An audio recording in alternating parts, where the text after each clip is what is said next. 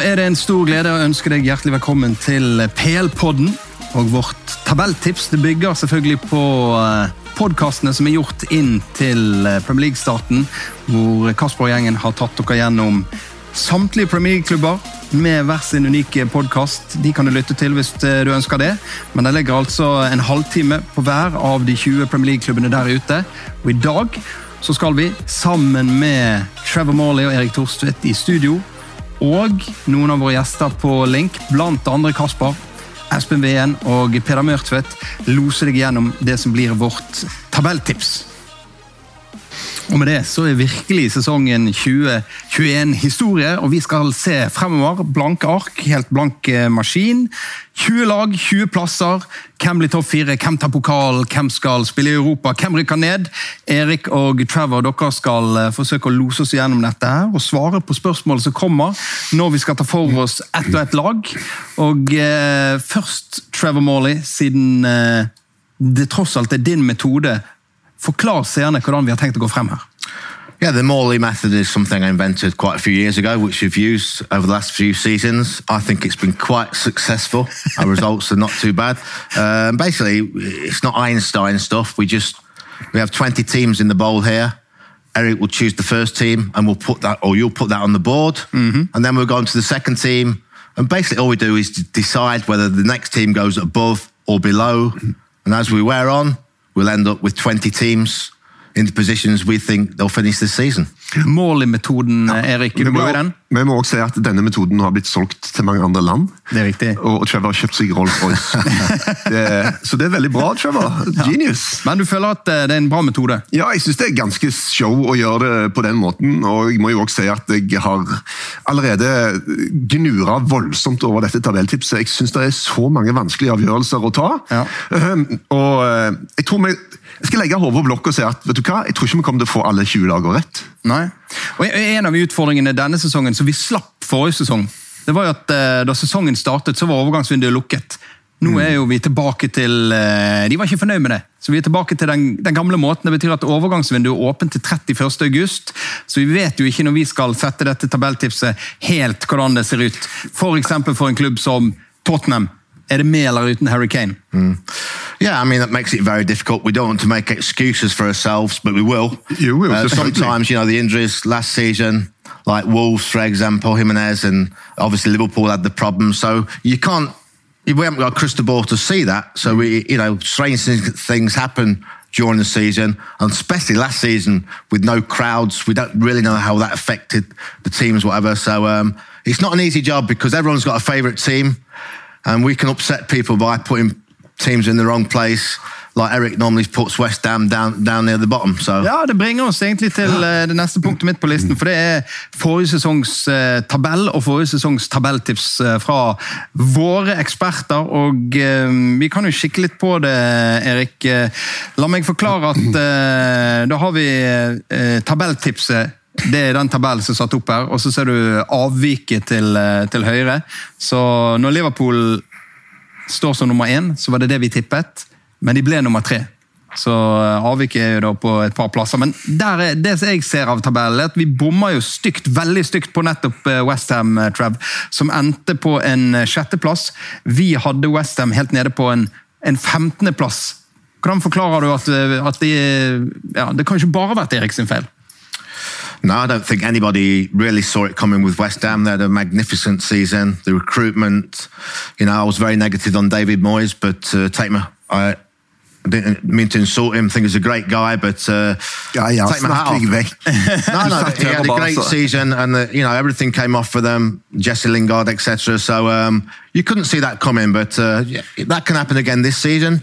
You don't know which team might just have a great season West Ham did that, whether they can do it again this season.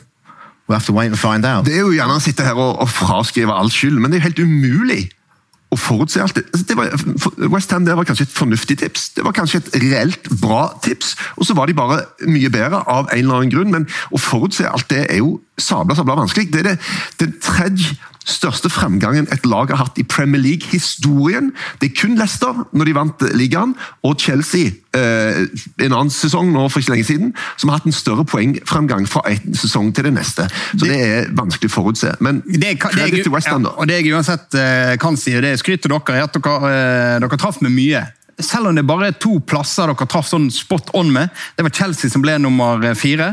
Og eh, så var det West Bromwich som ble nummer 19. Men dere sendte ned West Bromwich og Fulham. De gikk ned. Dere hadde topp fire riktig, selv om de ikke var riktig stokket. Men eh, Liverpool, City, Man United og, Chelsea ble topp fire. Bommet litt på, på, Arsenal og Tottenham i, i den forstand at dere hadde de på femte-sjette, de ble syv og åtte. Så er jo Wolverhampton eh, et av de topplagtipsene som man hadde forventet skulle være med utfordre der. Hadde de på en syvendeplass. De ble nummer 13, så det er et av de store avvikene. Men ellers er det veldig mye som er, som er i nærheten, og det midtsjiktet er selvfølgelig der er det små marginer. Så det er veldig mye som treffer. Men Wolverhampton gjorde det veldig mye dårligere enn eh, vi forventet. Chef United de gjorde det like dårlig som vi hadde forventet i den første sesongen. De rykket ned og ble nummer 20. Vi hadde tippet de litt eh, bedre. Leeds var et lag vi hadde forventet skulle gjøre det bra i første sesongen. De gjorde det enda bedre, litt grann bedre, men uh, veldig veldig sterk comeback til Premier League fra Leeds. Men ellers så er det eh, ja, Man er liksom i nærheten på ting, men Esten Villa 18.-plass ble nummer 11. Mm. Det blir interessant å se nå når Jack Grealish er vekke, når vi kommer til Aston Villa, om, om eh, ja, hvilke utslag det kommer til å gi. Jeg synes Wolverhampton er sånne, sånne ja, men De, de skadeproblemene var umulig å forutse. Sheffield United synes jeg vi kan se oss selv litt i speilet og tenke mm. ble vi bare lurt? Altså Burde vi ikke sett at denne andre sesongen til Sheffield United kommer til å bli sabla mye vanskeligere? Uh, så, så, der tenker jeg at der, der gjorde vi en, en, feil som vi må kanskje lære litt av òg denne sesongen. Uh, Villa definitivt et kjempebra overraskelsesmoment. God, ny, god keeper mm. betydde mye. Uh, nei, det, er en del ting her som vi må I gjøre Sheffield United, we, we, made a big mistake, yeah. Sheffield United, because when you saw how many goals they scored the previous season, I think they scored so few goals and mm. finished so high. Maybe we that should was, have seen it coming. We should yeah. have seen it coming, ja. Yeah. Ok, men uh, nå, er det, nå, er det, helt uh, blankt. Nå er det nye lodder, nå er det nye muligheter og fargestifter til og hele den pakken der. Så, og det er en del nye managere, så vi skal komme innom alt dette når vi eh, tar for oss de 20 klubbene i Premier League. Fire timer varer eh, denne sendingen, så tenker jeg det bare å komme i gang. Vi har ikke mer enn tid og vei. Um, kan vi trekke første? Well, I'd like to invite Eric, as it's the Morley method. I'd like him to make the first uh, yeah. choice. And the Morley method with a Torstvedt draw. The Torstvedt draw. And the first team du vet hva de pleier å si til keepere i England når de holder på med sånn? Don't drop it. Oh, this is very nice. Og der går vi! Rett til topps med en gang, gitt. Vi starter med Man City. Har du jukset, eller? Nei, altså, jeg har ikke byttet ut noen lapper. Jeg tenkte på å gjøre det, men uh, hive opp noe sånn championship-lag istedenfor. Det var nesten helt unødvendig å trekke City så tidlig. For uh, ja, vi kan jo bare legge de Kan bare legge de der, da. Uh, regjerende mester City, City som har uh, vunnet, uh, gjort det til en vane å vinne Premier League nå under Pep Guardiolas ledelse. City som har hentet Jack Grealish, City som kanskje kommer til å hente Harry Kane. Manchester City som i tillegg til å vinne Premier League har lyst til å vinne Champions League. Der har fått seg en stor utfordrer i PSG, men ja. Jeg sier det rett ut. Er ikke Manchester City den største favoritten. Bookmakerne mener i hvert fall det. Yeah, I mean, you, you can't make money on them. They're big favourites with the bookmakers, and they're not often wrong. Obviously, 100 million on Jack Grealish. Um, they've won it three out of the last four times. They always say it's hard to defend it. Um, and I think it, the main talk about Man City is that, you know, there wasn't one prolific goal scorer last season. They shared the goals around. Whether they can do that again without an out and out striker okay, Kane's possible he'll come in, but maybe not. And Pep says that you know we can play without a striker as such. Uh, I hear a lot of people say it's impossible to do that, but I don't know. Pep seems to be able to do it, and of course, I think Jack Grealish is my favourite player last season. I think under Pep, he's going to improve immensely. So um, they still look very, very strong for me, Manchester City, and the DS coming in uh, making the defensive problems what they had the previous season. Mm. Um, so yeah, it's, it's, difficult to bet against them. For Inngangen til forrige sesong var at City hadde spilt en så lang sesong pga. covid-situasjonen og de var i Champions League og skulle gjøre Europa, så de fikk jo nesten ikke pause. Så de startet en uke etter de andre lagene. Og sesongstarten for Manchester City forrige sesong den var svak. Etter eh, åtte runder eh, vel, så lå de eh, ja, de lå langt nede på tabellen. Langt nede, det var Og så skjedde det noe. Ja. Eh, og som du var inne på, De spilte uten spiss eh, veldig ofte. Aguero var mye skadet. Eh, Vi så ikke mye til han forrige sesong før han nå er ferdig. Jesus ble jo ofte prioritert vekk fordi at de valgte å spille med det andre og resten av det offensive arsenalet sitt. Men hva For det var litt forventet at Manchester City kom litt sånn daukjørte inn til sesongstarten forrige sesong. Hva forventer vi av inngangen til denne sesongen? da? Altså, de kan ikke starte så, så svakt som de gjorde sist. for det var ganske, altså, De lagde tre straffer og tapte 5-2 mot eh, Leicester. På de første tolv matchene så skåra de 18 mål. Og de tre sesongene før det så hadde de skåret på de, det antall kamper 40, 36 og 35. Så ja, de slapp inn mål og virka shaky bakover, men hovedproblemet var framover. Det var så dødt. De skapte så ekstremt lite. Men eh, så har han jo trykt på noen knapper her og greid å retune dette laget. Og en av de tingene som han sa, var at vi må springe eh, mindre eh, med ball. Når vi har ballen, så må vi ikke bare fyke rundt. altså Vi må vite hvor vi skal være i posisjonene Løpe våre. smartere. Løpe smartere, ikke nødvendigvis mer. Når vi ikke har ball, så skal vi være harde og aggressive i presset. Og så greide han å få gjøre, gjøre en, en greie der han greide å, å, å få enda mer folk sentralt. Når de ble kontra på, som ofte har vært en, svakhet med City, lett å kontra på, så tvang de folk ut på sidene, og det gjorde at det tok lengre tid å komme fram til målet. Så det var en del ting der som gjorde at de plutselig vant 15 kamper på rad. Det, er, det er 45 poeng, det. Og da var det på skinner, og da gikk det, gikk det veien. Men, men, Så- men, se på sesongåpningen til eh, City. Se på de fire første bortekampene. Det er borte mot uh, Tottenham, det er borte mot Leicester, det er borte mot uh, Chelsea. Og så er det vel uh, Liverpool. borte mot Liverpool, ja. Det er ganske sykt. Så det, det er en knalltøff åpning. Kommer de gjennom den med en solid poengfangst, så tenker jeg bye bye. Da blir det vanskelig å fange. Yeah, I mean, I'm thinking this season that um, I don't think it's going to be quite as open when you look at the the big four teams. What I imagine are going to finish up there, the same as last season. I think the gap has closed a little bit, so um, I don't think City are going to run run away with it. Even though they had that bad start, did they not have 21 games winning streak or something? Ja, unbeaten, kanskje? Eller jeg vet ikke. So I mean, Kanskje i all Jo, de, de endte jo på eh, 86. Ja, det Det er jo under en, 90, en solid eh, men det er ja, ja, Man er blitt vant til at du plutselig Ja kan ta opp i But it was 100 still- poeng, men, men 86 quite- poeng er solid. quite clear winners, weren't they? To be fair, in the end. ja, ja. Og på slutten så ga de fra seg litt poeng som de gjerne ikke hadde gjort hvis de måtte vinne. da. Ja. Men, men eh, Grealish gjør jo det- City-laget bedre, men sannsynligvis ikke så veldig mye. da. De har så mye offensivt talent, men det er én ting som ville vippa det solid i Citys favør, og det er Kane inn. For det står jo en plass bare og venter på han der. Mm. Altså, Det ville bety en enorm forskjell, da, og det er veldig vanskelig å bette mot City hvis de får Kane i tillegg. Og er ikke det en tanke som City har vært veldig åpen om at de ikke, det handler ikke bare om Premier League, det handler også om Champions League. Det trofeet har de fortsatt ikke klart å få klørne i. Pep Guardiola, å, det har vært noen frustrerende øyeblikk der. Og når du ser hva PSG har gjort, når det var eh, Pochettino som klarte å, lande Messi, så må vel eh, City hente Kane, da? Hvis de skal fighte med det.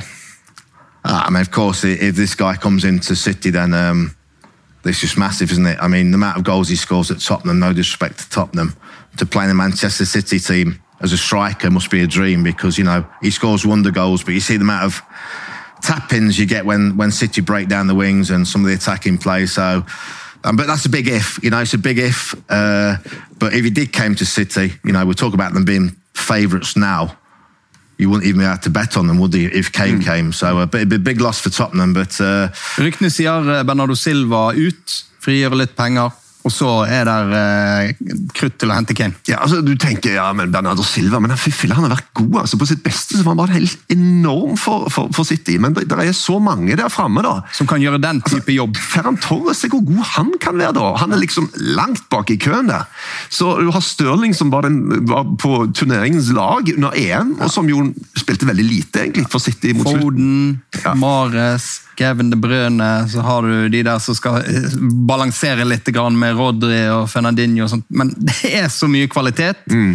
Og jeg tenker det samme hvis det, eh, Nå er Grealish klar. Hvis Kane også er på plass der, så, så er det en soleklar favoritt denne sesongen, Manchester City. Og, og det å forsvare en ligatittel, det er jo ikke det mange lag som har gjort på Premier League-nivået, men Guardiola og City Four teams. Ja, Six times. Fortell. I don't know.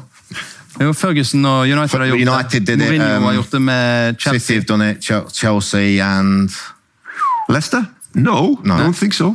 Pep. So it's not easy to do, but I mean, City won three of the last four, so it's hard to bet against them. I mean, and I think Eric touched, touched on a good point. When they looked really vulnerable last year, there was a big change. I don't can't put my finger right on what Pep did, but suddenly they weren't. You, you couldn't counter attack them. The little fouls in the middle of the field. Uh, when they got in the lead, they weren't losing games. And you talk about goals. You said they were struggling to score goals. They still, they still scored loads and loads of goals, Manchester City. So without a striker, so um, if Kane did come, then uh, Ja, og Kane, eh, Jeg ble spurt i en eller annen sammenheng eh, Braut Haaland eller Kane til City. Og Jeg tror jeg svarte Braut Haaland fordi at han er yngre, og at de har, City har så mange andre spillere som kan, kan De kan alt det greiene der, så de kan bare serve Haaland hele veien. Men jeg er litt usikker, for Kane er jo kanskje en litt mer spillende type spiss. da. Og, så Han kan være med på alt det der med kjappe kombinasjonsgreiene som gjør at folk blir dratt all over the place. Så, så, så rent spillemessig så er han oppe der med mange av de andre spillerne rundt seg, og kan bidra til at eh, det, det ville vært enorme offensivt. altså. that's a good point. I think Kane, you put Foden or Grealish or these players, attacking midfield players, he'd be the perfect alibi to move in. Jeg eh, vifter oss videre, for eh, hvis vi skal komme i mål på fire timer, så må vi faktisk videre. Det er 20 lag som eh, skal prates om. Vi har plassert Manchester City helt der oppe. Og eh, Men de kan rykke ned senere. Det kan de. det kan de. Og Det kommer jo noen lag Ja, ja. som, som definitivt skal være med å utfordre Manchester City. Så når vi kommer så langt, så får vi se om, om noen tør å plassere noen over Manchester City, tenker jeg. Men uh, Molly, da får du eh, trekke det neste.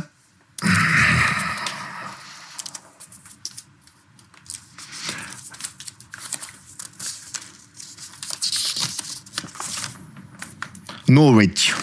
Norwich. Norwich. There we go. You remember not? You didn't put it back in, did you? Ja, Du må vise lappen, at ikke oh, yeah, okay, yeah. Du må holde den opp. Beklager. To topplag med en gang, da. Do you think I'm to lie about it? What's the matter with you? Lie? Jeg kjenner deg, du er en, du er en gatekatt. Jeg vet eh, Du lager, liker å lage litt krøll, men ok, der står det faktisk Norwich.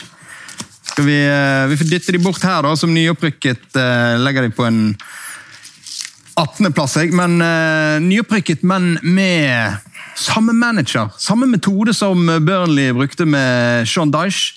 Han tok de ned, han fikk være med og ta de opp igjen, og han har fortsatt å ha de.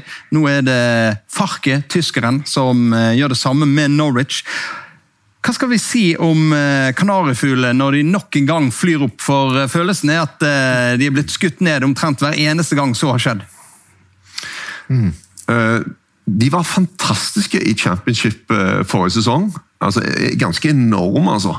Eh, de, de fikk vel 97 poeng, mer enn de noen gang har hatt gjennom Heldis historie. Spilte seg gjennom alle lag. Men så sitter det igjen noe av det der som skjedde når de var oppe sist. Da Da tapte de de ti siste kampene. De hadde minus 49 i målforskjell, og de ble litt sånn nesten en vits på slutten. Begynte med å spille god fotball, imponerende kamper, og så bare glei det helt ut. Og så er spørsmålet kan de gjøre det bedre denne gang. Sist så En ting som jeg husker du sa da Norwich rykket opp for, eh, forrige gang, det var at de har sluppet inn så enormt mye mål. Ja. Og, og, og der finnes en formel hvor du tar antall innslupne mål i championship, og så regner du om eh, til Premier League-nivå. Og så sier du at wow, det der kommer aldri til å gå. Men det Norwich-laget som rykker opp denne gangen, de, de slapp inn langt færre mål. Ja da, og de det, det, det, kanskje det vi må se på aller mest, ikke hvor mange mål de har skåra, men hvor mange har de sluppet inn. For som du riktig påpeker, så er det en, en sånn gjennomsnittsgreie hva det vil si å rykke opp fra championship til Premier League. Mm. Hva vil det si i forhold til hvor mange mål du skårer, og i forhold til hvor mange mål du slipper inn. Uh, så jeg har inntrykk av at de, de eh, er bedre rusta på mange måter. De, de investerte etter opprykket sist 7 millioner pund. Nå har de allerede investert 35, så det har gått litt vekk ifra den der ja, nå skal vi holde det tight. Hvis vi rykker ned, fair enough, da kan vi rykke opp igjen. Det har de greid, men de ser at vi må kanskje bruke litt mer penger. Og så er det jo en elefant i rommet her, da. Og det er Buendia. Han er vekk. Han er den store stjernen. Ja, Eller en av de. Solgt til Villa, da, som Gwilich-erstatter. 35 millioner pund. Han var ellevilt god i championship. Mm. Altså Han var enorme. og I tillegg så eh, var Oliver Skipp på lån fra Tottenham. Eh, veldig god midtbanespiller. Hadde en kjempesesong. Så begge de to er vekke, men de har investert en god del penger i andre spillere. da, Og, kanskje de lært litt uh, av, av, det som har skjedd sist. Uh, nevner også at vi får se Billy Gilmore. da. Ja, det liker jeg veldig godt. Han har de lånt fra Chelsea. Billy Gilmore kommer inn der på midtbanen. Ja. De første kampene jeg så Billy Gilmore for Chelsea, så tenkte jeg wow, her kommer det en stjerne. Her kommer det en skikkelig stjerne. Yeah, I think over this program we'll see quite a lot of Chelsea players that are going on loan to different clubs. We mentioned that before the show. Um, maybe it's the advantage because he can't play against Chelsea, but uh, yeah, he was outstanding. And when he played for Scotland against England, he was absolutely brilliant. Um, very young. Um, so it's a good replacement. I think with Norwich, it's a difficult one because they must have learned some lessons from the last time. And I think intuition tells me it doesn't matter if you win the championship by a lot of points. Often it's a team that sneaks up in, th- in the playoffs that does actually better. But um, I think it's going to be real tough for them. I, I, think they know that. I don't think they're going to spend massive money. Um, but lessons learned from the last time, that, that would be the biggest thing. And of course, the same manager, the cont- continuity is a, is a plus thing. In today's age, they've stuck by the manager. vi har, fått, vi har fått inn ord fra, fra Farki, nemlig. Vi kan jo høre hva han tenker om eh, hvilke lærdommer som er gjort siden sist. Well, uh, it's always a bit difficult for a self-funding club to do some business in this in this best league in the world. We don't have the money, so for that we have to be a bit more creative and perhaps a bit quicker, a bit bit more risky, anyhow. And and yeah, it's it's never easy for us to to buy proven Premier League players with with uh, top class quality, anyhow. So for that, yeah, we have to be a bit more creative. But we all got the feeling that we found some really really good additions, and we are fully convinced of all of them, and they've settled in quite quite quite well. And hopefully, then we are also prepared for the whole season. Yeah, hopefully we can fulfill the same what we did last season. We looked rock solid on, on championship level with uh, many, many uh, clean sheets. Let's be honest, two years ago when we were on Premier League level, we were hit a lot by injury crisis, so we hardly could play with the same uh, back four or back three um, um, uh, two games in a row. So because uh, we were probably hitting harder than than all the other teams on this level in terms of injuries of key players, especially in the defense, and especially for a newly promoted side, it's it's always key to to be rock solid in the defending behavior, and this is definitely also one of our our key topics for the season, and hopefully we can uh, sh uh, show the same consistency and the same resilience and stability like we showed uh, also in last season on championship level. Så mer uh, solide bakover. Ikke så mye skader, så klarer vi mm. å fikse den uh, delen på et vis. Og så må vi ha en kreativitet uh, fremover. Det er jo Finn Pukki som fortsatt er på mm. Eller Pukki, som jeg lærte at han uh, het av en, finsk venn. Som fortsatt skal skåre mål der oppe. Har du troen på det? Som gammel mann i samme yrke? Yeah, I mean, he started brilliantly, didn't he, in the Premier League, getting lots of goals, and then he, he, he drew, it dried up a little bit. So, um, yeah, I mean, a lot depends on him to get the goals because they're going to need goals to survive.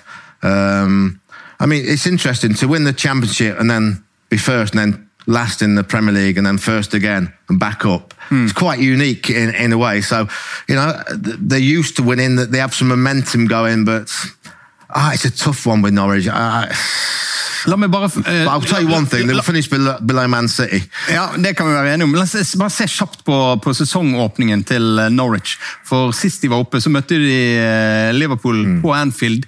Nå møter de Liverpool igjen, denne gangen på Carrow Road. Men jeg husker godt den kampen, for da var det mange som sa wow, det nikket litt mm. anerkjennende. Norwich, her var det mye bra. Det var mye bra, men det ble smekk, og det ble veldig få poeng den sesongen. Men se på den sesongstarten til eh, Norwich! Manchester City i kamp to, så Leicester, og så Arsenal. Det kan fort uh, stå poengløst uh, etter fire. Ja, men Farke er såpass tøff i trynet. Han sier at uh, hvis du tilbyr meg 17.-plass nå, mm. det vil si at vi holder oss, så tar jeg det ikke. Da tar han han ikke? Nei. Husker du at det var det Tetty sa at han hadde gjort Tetty er jo ikke med lenger, men da Kasper Ja. var borte og intervjuet ham før den eh, forrige sesongen oppe, så spurte han Tetty om akkurat det, og Tetty sa jeg hadde tatt han, og så hadde jeg løpt. Men både Farke og en del andre de var ikke enig i det. Så. Nei. Men offensivt, for offensivt. Nei, det, det, jeg synes det, altså Hvis han hadde fått et reelt valg, så kan det godt være han hadde gjort det uansett. Men de har kvitta seg med to nordmenn. da. Eh, To nordmenn er jo vekke, Tetti og Ørjan eh, Nyland. Så det må jo tale veldig imot Norwich, tenker jeg. da. Kjekke norske gutter. Vi legger eh, Norwich her nede nå, siden de er nyopprykket, og så skal vi ta en liten pause og vende tilbake med fortsettelsen av vårt Premier League-tabelltips for sesongen 21-22. Velkommen tilbake til tabelltipset for Premier League-sesongen 21-22. Vi har plassert eh, to lag på tavlen. Manchester City kom først opp av eh, ballen til eh, Trevor og Erik. Og nyopprykkede Norwich, Camilla på Twitter, hun har ja, Det er vel det er et slags spørsmål. Er dette sesongen alle nyopprykkede lagene faktisk kan rykke ned igjen? Opp er også kommet Brantford, som jo ikke har vært på dette nivået på mange, mange, mange mange herrens år. Og i tillegg så er kommet eh, Hvem er det siste Hvem er det siste nyopprykkede? Watford. Watford, selvfølgelig. Svar på spørsmålet. Er det, Wait er det till the end of the show. You have to wait till the end of the show to see. Ja, ok, ok, ok. We can't give anything away. men- men, we eh, don't know yet. Selvfølgelig kan de det, da. Ja, men det har ikke skjedd så ofte. Nei. Det har vært vært noen som har klart å klore seg fast. Og jeg ser også potensialet for alle tre faktisk kan greie seg. Ja. Det blir spennende å se hvordan Ja. eh, tipset utvikler seg. Vi har lagt bare vi la City på toppen siden de er regjerende mester, og så la vi Norwich på en 18.-plass siden de er nyopprykket. Så, eh, så får vi se hvordan dette her, eh, denne levende organismen eh, utvikler seg eh, når vi nå skal trekke lag nummer tre. Det er vel din tur, Erik? Well, Ja. Let me just wait, wait, wait. Gonna, Å ja. Du var ikke him. fornøyd med at han uh, No, City i starten? City first time. Nei. Du må trekke sånn at det er dramaturgisk bra for sendingen. Ok, Ja. ja. men da gjør jeg det med denne godbiten her. Everton. Everton. Ah, vi legger eh, Så nå har vi hatt eh, Jeg legger Everton bare Jeg legger de her jeg da, under Norwich, siden vi skal begynne denne klatreleken vår. Men eh, så har vi hatt topp, vi har hatt bunn og vi har hatt midt på tre. ja, det kan fort se sånn ut, og, og mange tenker nok det. Men med, om Everton så kan vi si at det har skjedd mye, og, og det aller viktigste er Rafa Benitez inn for å gjøre denne jobben etter at eh, Carlo Ancelotti dro av gårde igjen til Spania. Han lot seg friste. Eh, Det forstår sikkert de fleste. Det må ha vært et skudd for baugen for Everton og det de var i ferd med å, å, bygge. Levert en uh, brukbar uh, forrige sesong, eh, Everton, på en uh, likevel skuffende si det? Det var en tiendeplass. brukbar Ja, forrige sesong. 59 poeng. Ja, tar, de har brukt altså, så eh, sykt mye penger. De har brukt milliarder av kroner de siste åra. Og så kom Angelotti inn, og det var en skuffende sesong. Altså. På hjemmebane var det en skandale. Det var jo mye skuff, men det er jo 59 poeng. Altså, det er ikke, de er i nærheten av eh, Det er ti poeng bak eh, Liverpool på tredjeplass. I think there was a lot of Så ja, det er en tiendeplass, men det er kun ti poeng opp til Liverpool. there was a lot of expectations. He made some good signings, and it looked it looked good for a little while, didn't it? Mm. Ja, de toppet tabellen etter fire, fem matcher. Then it all went dead. It almost like um, Carlo, almost like they lost a little bit of interest, and it Det- all the went flat. It did, yeah. yeah. And um, they really struggled towards the end, and. Uh, I felt a bit sorry for the Everton fans, and now, you know, got another huge manager coming, and Ja. um, Og it'll be a Rafa different Benitez. style because it, Men, yeah. men femte manager på fem år, da? Jo, jo, men det er Rafa hele- Benitez, Ja, ja, det er. Liverpool, det er Merseyside. Det er, han har fortsatt huset sitt der, han har fortsatt å være der. Men så er det er- populært hos Everton-fansen? Dette er mannen som for eh, 14 år siden kalte Everton uh, small club, eller Mhm. little club. Så det er jo en del Everton-fans som har problemer med å svelge Benitez som sjef. Ja. Men det er bare én ting som hjelper, da, det er å vinne kamper. Så eh, fikser han det nok. og Benitez er en, sånn politisk fyr. da. Han er ganske flink til å manøvrere bak kulissene. Så jeg, tror at han skal kunne greie å, å få de med seg. I hvert fall når publikum er tilbake og de begynner å fikse resultatene på hjemmebane. Altså. For der hadde Angelotti flaks. Ja, men Hvis du sier at stede. forrige sesong var ræva med 59 poeng, så tenker du at eh, eh, Benitez kan gjøre det bedre enn Ancelotti og, og plukke over 59 poeng? Men ambisjonene må i hvert fall, med tanke på de investeringene som de, den klubben har gjort han Farad Moshiri han, altså, han må jo gråte blod for hvor lite han har fått igjen for, for å. Altså, mange milliarder kroner har han betalt inn i den klubben, og fortsatt skal de bygge en ny stadion som skal koste enda mer milliarder. Og, og De har liksom ikke gått noen sted som helst. De står jo på stedet hvil. Og Everton tenker jeg, er- der, der bør det være potensial, og det bør være spillere også til å prestere bedre. Men James Rodriguez han, Han satt jo på flyet før sesongen var slutt, privatflyet på vei hjem. Fikk så mye drit fra Everton-fansen som var sure for de følte at det, Har han hjertet i klubben, da? Mm. Er det disse spillerne som virkelig vil blø for, for, for drakten og, og Han var, blø for han var jo en veldig Angelotti-signering. Ja, sant. han følte jo at det var Angelotti som klarte å få han dit, så forsvinner Angelotti, og, og hva så? Hva da? Ja. Richarlison eh, han spiller eh, olympisk mester og spiller spiss på Brasil. Eh, Er hjertet hans i Everton, eller ser han seg allerede i en, en, liksom det som han føler er en større klubb? da? Det er mange spørsmålstegn rundt denne spillerstallen, der, selv om de har brukt så mye penger som de faktisk har gjort. Og så har de kvitta seg med en del lønninger nå. da. Bernard har dratt, eh, eh, Walcott er vekke. Bolasi, husker dere han? Bolasi, Vi elsker han i Palace! Jannik Bolasi, Å, herregud! tryllekunstneren. Og så har han i Everton har han ikke gjort noen ting som helst. Men han har aldri kommet tilbake etter den skrekkskaden han fikk. Men, men uh, Andros Townsend, da tenker jeg ok. Det var noe, uh, ikke noe særlig oppgradering. DeMarie Gray, derimot, den er interessant. Yeah, I mean, he was. Uh, I used to love him. I, when he broke on the scene, he looked like a real quality player, and then he left Leicester, and it didn't quite work out for him. He's still quite young, so that'll be an exciting one to see if um, Det- Benitez can bring the best out of him. Well, I will say, I think I think Benitez is on a real tightrope. I, I disagree a little bit with Eric. I don't think the crowd are going to be with him. I think he needs to have a really decent start because uh, you know, I know them uh, Evertonian fans that I know were not happy when they got Benitez. Of course, of course, if they if they start well, th- those football fans are fickle. But if they don't, with the crowds back and the size of him, it looks like he's put on about. 25 kilo as well. He's been living well, Benitez. Heldigvis så kan ikke han spille. Ikke, det er ikke han som skal ut på det og spille, men, eh, Bare et lite ord om Demarai Gray, som du nevnte. for Han husker vi jo i Leicester, stort talent osv. Han kommer nå til Everton for 1,7 millioner pund. Altså Det er så lite, og det sier ganske mye om finansene i fotballverdenen. At Du kan sikre deg disse greiene her for så lite penger. Altså Det er en skandale. Jeg skulle tro han i hvert fall har vært ganger så mye. Men, det, men det, dette overgangsvinduet bærer litt preg av det generelt. Ja, og de, Har du penger nå, så kan du sitte og plukke sånne som kanskje er å ta en liten sjanse, men treffer du på en av fire, da, så er det omtrent verdt det. Og Vi ser at det ligger enormt mange i det der prisleiet fra si, eh, opp til 10 millioner eh, pund. Det er det ganske mange som har kommet, altså. Mens det før tidligere ville kosta kanskje dobbelt så mye å hente noen av disse spillerne. Vi skal plassere Everton, eh, og vi skal vel alle være enige om at de skal over Norwich. Ja. Ja. Så vi kan jo bare starte med å legge de der, da. Men eh, ja, hvis, hvis, vi skulle, hvis vi skulle bare plassert Everton der dere tror Everton kommer, uten at vi nå gjør noe med hvor, hvor ender Everton? Altså, de, de, de, de ble nummer 10, 59 poeng, men Leeds hadde 59 poeng, Arsenal hadde 61, Tottenham hadde 62. Det var utrolig jevnt eh, der på tabellen. Så, så fra tiende til, til eh, syvende ja, Det er veldig veldig jevnt eh, på tabellen. Hvor høyt opp tror dere Everton skal denne sesongen? Og, og hva forventer fansen, og hva vil være godkjent? I think the fans always expect something at, at Everton, looking for the new stadium, everything. It is a big name manager, you have to say that, but I don't see them getting anywhere near the top six. I would say about around 10th again this season. I don't see any improvement.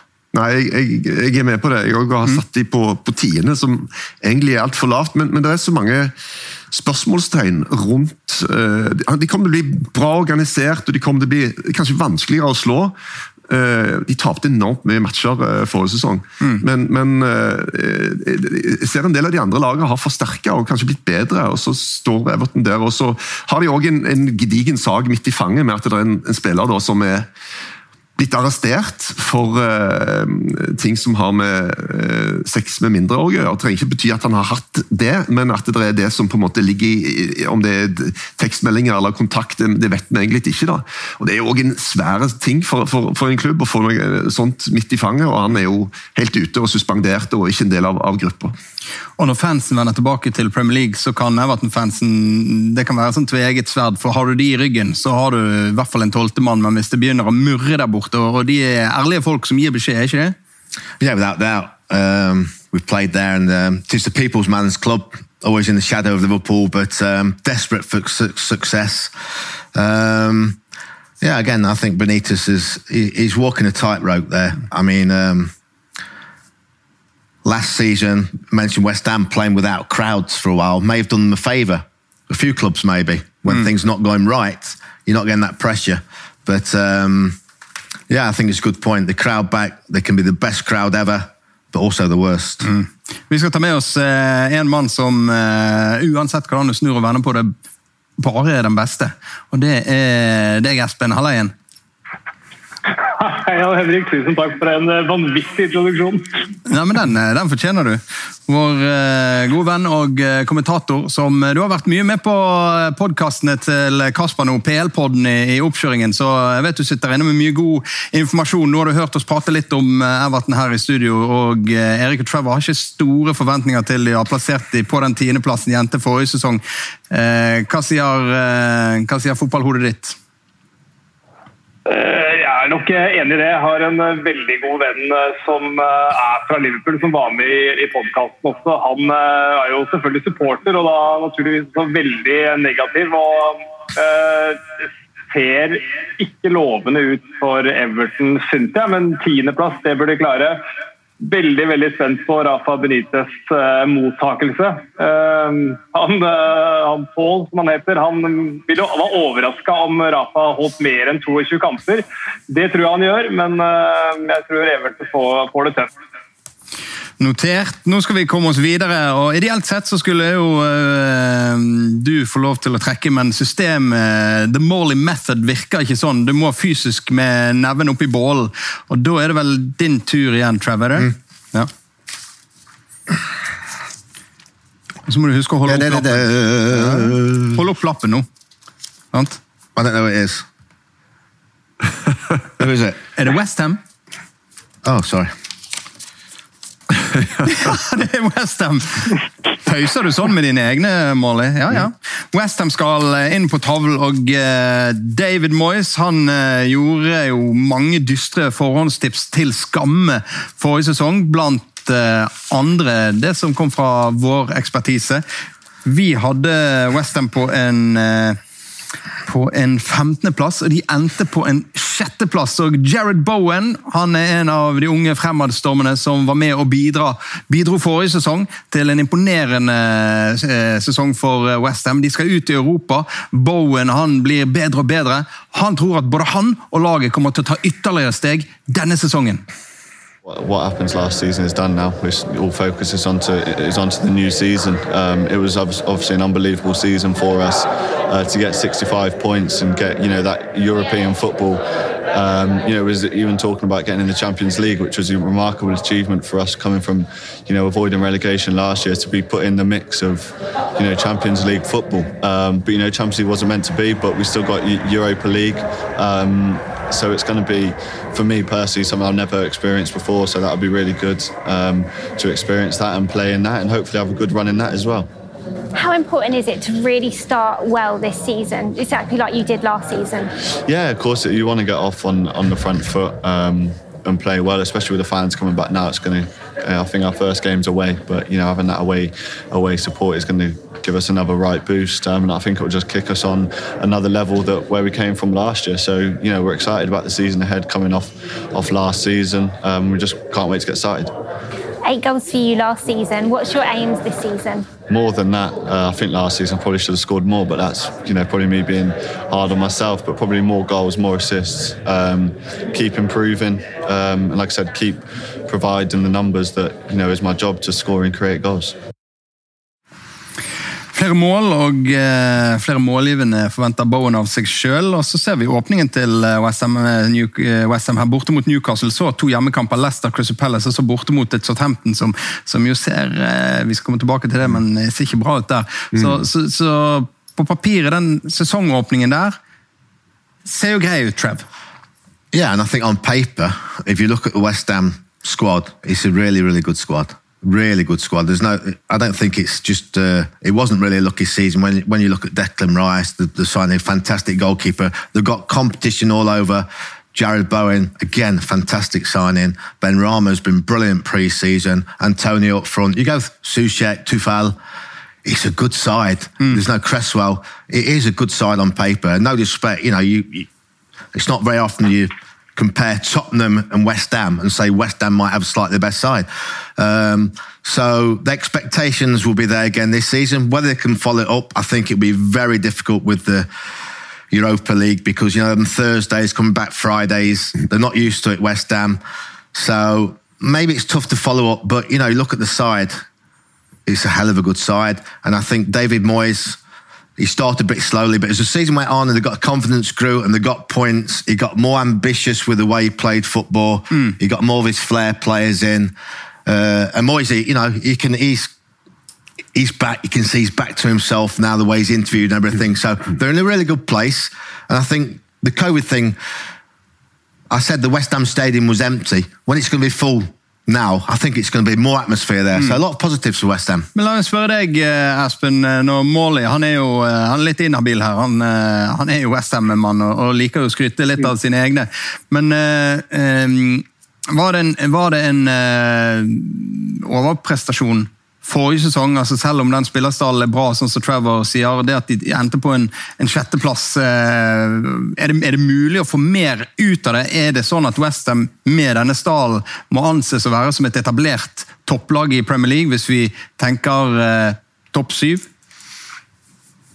Jeg, er nok ikke så optimistisk på Westham-seilet som, eh, som Trevor. Jeg var jo også mer pessimistisk forrige sesong. I mitt private tips så tenkte jeg at de skulle rykke ned. eh, Og gnei meg i hendene i den første kampen og tenkte at der fikk jeg rett mot Newcastle. Men, men eh, så viste det seg utover sesongen hvor, hvor solide og bra de var. Jeg savner vel kanskje en, en på topp der, og uten Jesse Lingard. For han hadde mye å si altså, på slutten av sesongen. det friske pustet, har man ikke fått inn noe helt nytt enda, men, eh, men overgangsvinduet er fortsatt oppe. og De har vært veldig flinke på tampen av overgangsvinduene tidligere, så jeg tror Westham er avhengig av å få inn én eller to, eh, to friske spillere for å kunne være i nærheten av å gjøre det samme som de spiller. Jeg tror ikke de kommer til å være så gode. eh, og ut fra forrige sesong så, så tipper jeg på en, på en nedtur, dessverre, for Trevor og Westham.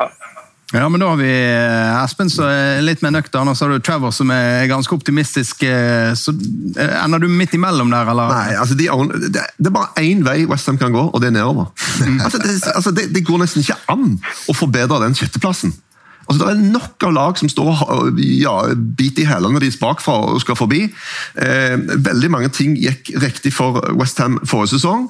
Jeg tror det skal veldig mye til for at det skjer igjen. og Men skal det mye nedover? Altså, Potensialet for å rase ganske mange plasser tror jeg er virkelig til stede. Du har både Arsenal og Tottenham som jeg mener i utgangspunktet har bedre staller enn det Westham har. Eh, så spørs det da, Kommer Lingard inn rett før vinduet stenger igjen? Greier han å gjenskape det han da plutselig gjorde forrige sesong, eller var det en litt sånn one-off som har sett fra Lingard tidligere? Han kommer inn i steam, og så faller alt på plass, og så går det litt lengre tid, og så er det ikke det store. Så eh, Nå har de fått inn Areola, da, som en eh, konkurrent til Fabianski. Han er veldig veldig god keeper, gjorde det bra forrige sesong i eh, Fulham. Og Vi snakket om Demarai Gray, som gikk for 1,7 millioner pund. Felipe Andersson ble altså kjøpt for tre år siden av Westham for 35 millioner pund. Nå selger han til Lazio, Lazio for 3,5 millioner pund. Det er ganske sykt, ass! Og Han har spilt i klubben i to sesonger. ti gullplass. nede. Ja, ja, det er helt, å- helt, helt Ja, det vilt. det er Det er bare snakk om å bli kvitt lønninga hans. Få han ut. ass. Men hvis kontinuitet og stabilitet og en idé som spillere er lojale til, betyr noe i fotball, så virket det i hvert fall som om Westham fikk det på plass under David Moyes forrige sesong, og kan bygge videre på det.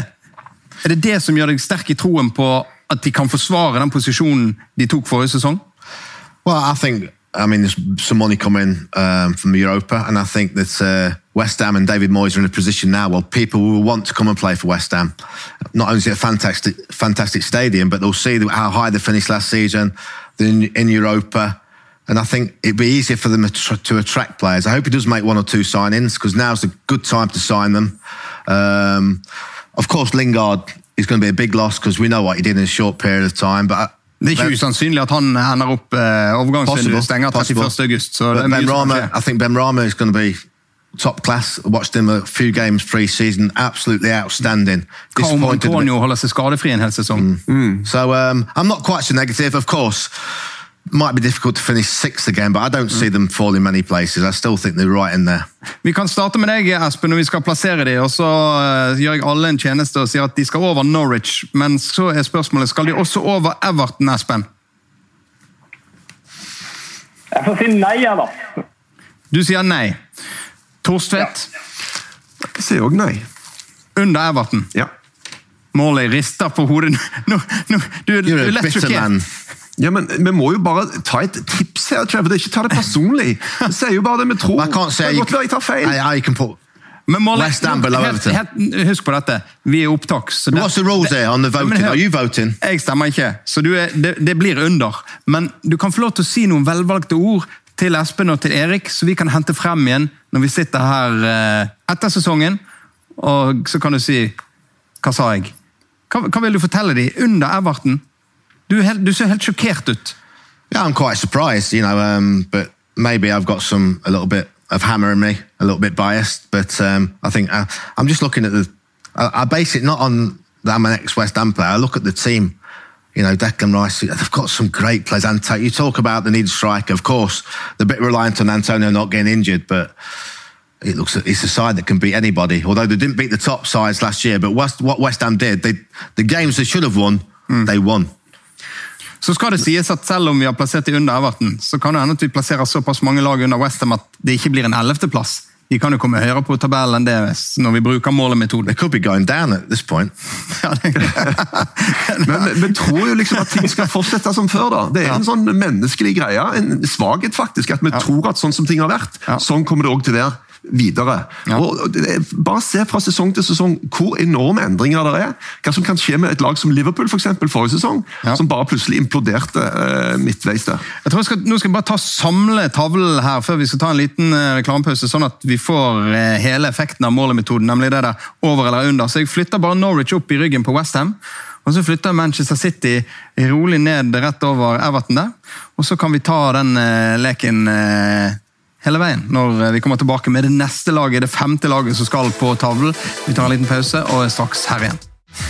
Velkommen tilbake til Premier League-tabelltipset som er i god gang. og Det har skjedd noe dramatisk mens vi har vært i, i pause. Vi må tilbake til vår eh, mann Espen VM som er med oss eh, på link.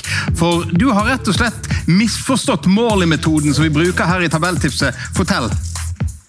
Ja, jeg eh, misforstår. Det var, for meg så ble det litt misvisende når Manchester City lå som nummer 1, Norwich som nummer 18 og Everton som nummer 10. Så da trodde jeg at det betød at man hadde plassert Everton på tiendeplass. Eh, men det stemmer jo ikke. Eh, Det gjør jo ikke det. Jeg trodde der, nei, og derfor, jeg trodde, trodde ikke at jeg tror ikke West Ham blir nummer 11, men jeg tror de blir bedre enn Everton. Derfor så gjorde jeg Nei, jeg sa feil, egentlig, men jeg trodde ikke de kommer til å være så gode.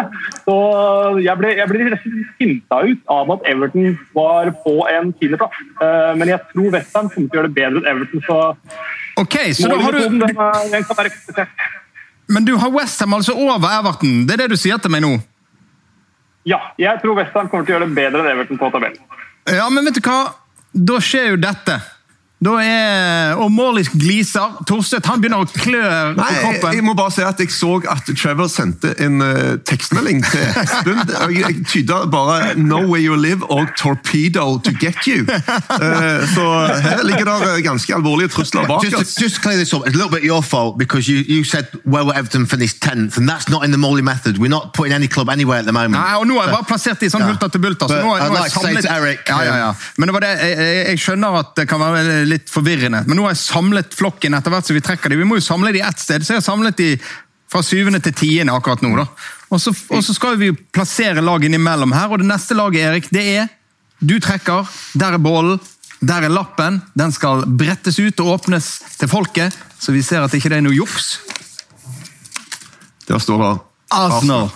Og nå tar jeg Arsenal her på tavlen og bare trekker de inn et sted. De kan få ligge her borte til vi skal plassere dem. Ingen har plassert Arsenal på en 15.-plass, det er bare til å puste med magen. De skal plasseres et eller annet sted, over eller under disse lagene som er allerede på brettet.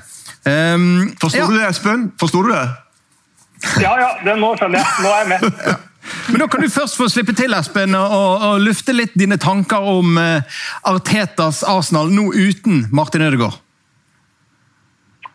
Ja, vi håper vel kanskje å få med Martin Ødegaard etter hvert. eh, Og det kan fort være en, en nøkkel. Jeg er veldig, veldig spent på Arsenal. Eh, Ben White det tror jeg er en veldig god uh, signering, om en uh, kanskje overkant dyr. Uh, så må de få i gang Aubameyang igjen. De må bli kvitt dette spøkelset med de aldrende spillerne som tegner dyre kontrakter og, og, og, alt det der. Jeg syns ikke stemningen var all verden på Emirates gjennom hele fjorårssesongen, selv om de avslutta bra. og Det er vel kanskje det som er det mest oppløftende, tenker jeg. Altså et par unge inn som er litt utprøvd, men Thomas Party ute skada igjen. Eh, hvor, hvor, mye kommer han til å spille, som på en måte var den store signeringen forrige sesong. Så øh, jeg tror Arsenal eh, er det laget som får det tøffest av de vi pleide å kalle Big Six. Endte på en eh, åttendeplass forrige sesong. Arsenal. Det er jo en gedigen skuffelse, selvfølgelig. 61 poeng, og det til tross for en mm, ganske god sluttspurt. Lenge lå de an til eh, tabell, eh, altså et snitt som hadde endt opp rundt 50 poeng. Som hadde vært fullstendig katastrofe. Men det var en positiv tendens mot slutten av sesongen. Er det nok å bygge videre på med det som er gjort? I løpet av sommeren og frem til sesongstarten eh, nå til helgen, Trev? I think it's a bit of make or break for Arteta now because you know everybody likes him. I've been a bit sceptical to him that um, he says all the right things. He's a great talker, but doesn't necessarily make you a great Premier League manager. What he did do is, I think, only conceded how many goals last 38 goals he's conceded last season. Only two teams conceded less than that, if that's right. I'll look at my notes there. 39 conceded last season. So defensively, yeah, but you know, if you're an Arsenal fan, you want to be scoring goals and didn't score enough goals, and that went out on Aubameyang. Um, they've got three good young players: Martinelli, Smith Rowe, and Saka, who's brilliant for England. Albeit missed a penalty, poor lad. Um, so they've got some good young kids as well. So I'd be excited. I can't see them getting anywhere near the top four. So you're looking at Arsenal fighting for that fifth place. I can't see any better than that. And um, of course, Lacazette was good. There's talks about him moving. Uh, ben White, I like Ben White. I've got to say, it was a lot of money, but I think he's something that need. He has a lot of steel. He puts his foot in. I think he could be a good signing. But mm. like I say, they were quite good defensively. De har jo mange unggutter, og det har kommet opp eh, en underskog der med spennende typer. Eh, Alle de har kjøpt, er òg unge. Alle ja. er 23 eller yngre. Altså. Ja, men skal, grunnen til at jeg sa det du liker å avbryte du, mens jeg er i ferd med å spille opp Hadde du et resonnement? Det er en, en intro, som jeg kaller det. Når jeg skal okay. se i kamera, hjem til seeren og si at nå har vi en sak med en av disse ungguttene som jeg hadde tenkt å, å, å, nevne. og Det er Smith Rowe, som har fått trøye nummer ti. Det er han veldig veldig fornøyd med. It was definitely always a dream of mine to, to become the number 10 of Arsenal. And obviously, you know, having quite a good season last season, I felt like you know, I was I was ready to take the step up to the number ten. Um, you know, I'm really happy that the manager's given it to me, and I just want to repay him really and prove that I'm capable of of wearing a number ten. So, yeah, I'm buzzing, and I can't wait for the season to start now. And with it being a dream of yours, when these conversations started to happen, was it just like, oh my god, this is real now? Like, yeah. was it just like, let's do it? I'm ready. I want to prove to everyone that yeah. I'm worthy of this shirt. Yeah, I think, obviously when I, I think when I first saw the shirt like in person with the number ten on the back and my name, it was it was a bit surreal. I couldn't really believe it at the time. But um, yeah, I feel like you know, it's all good and well having a number ten. But like I said, you got to prove yourself. You got to perform, and you know, I'm working hard in training, and I can't wait to play now. Ja, det er number 10-shirt. Det er, det er Maradona. Betyr det fortsatt noe? For him, yeah, but I mean, I think it's a load of rubbish. What I'll be saying is that I want to score goals, I want to make goals, I want to get in the team. He's talking about the number 10 shirt like, you know, it's a dream of his. I mean, does it really matter? You want to play for Arsenal, you want to be in the first team, you want to do well. Mm. Doesn't matter if you've got like... Men han gjør jo det. Han, bra. Yeah, I know, but how can a number make so much difference? Men folk, er, for, number, folk er. For him it means something. Var nummer én-trøyen viktig for deg, Erik? Så lenge ikke drakten var rosa, så var det egentlig det samme. Altså. men, men disse, men disse ungguttene, du sier dere har hentet ungt. Ja. Eh, dere har hentet opp ungt. Arteta har gitt uh, unge fremadstormende de riktige holdningene, de riktige verdiene, den riktige kulturen som skal skapes og bygges for, for å gjenreise Arsenal. Ja, det har han gjort. ja.